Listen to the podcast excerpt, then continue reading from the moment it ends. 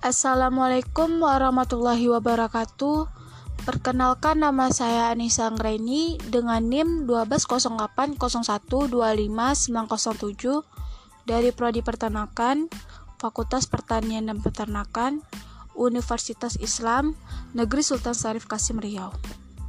Di sini saya akan menjelaskan tentang analisis kelayakan dan strategi pengembangan usaha ternak sapi potong. Penelitian analisis kelayakan dan strategi pengembangan usaha ternak sapi potong dilakukan untuk mengetahui tingkat kelayakan dan strategi pengembangan usaha ternak sapi potong. Hasil penelitian diperoleh ketersediaan input, bibit, kandang, peralatan modern, dan tenaga kerja di lokasi penelitian. Secara ekonomi, usaha ternak sapi potong layak dikembangkan dengan pendapatan Rp32.274,213 per tahun dengan B garis miring C ratio 2,03. Strategi pengembangan adalah meningkatkan produksi dan mutu atau bobot ternak sapi dengan agen penyalur.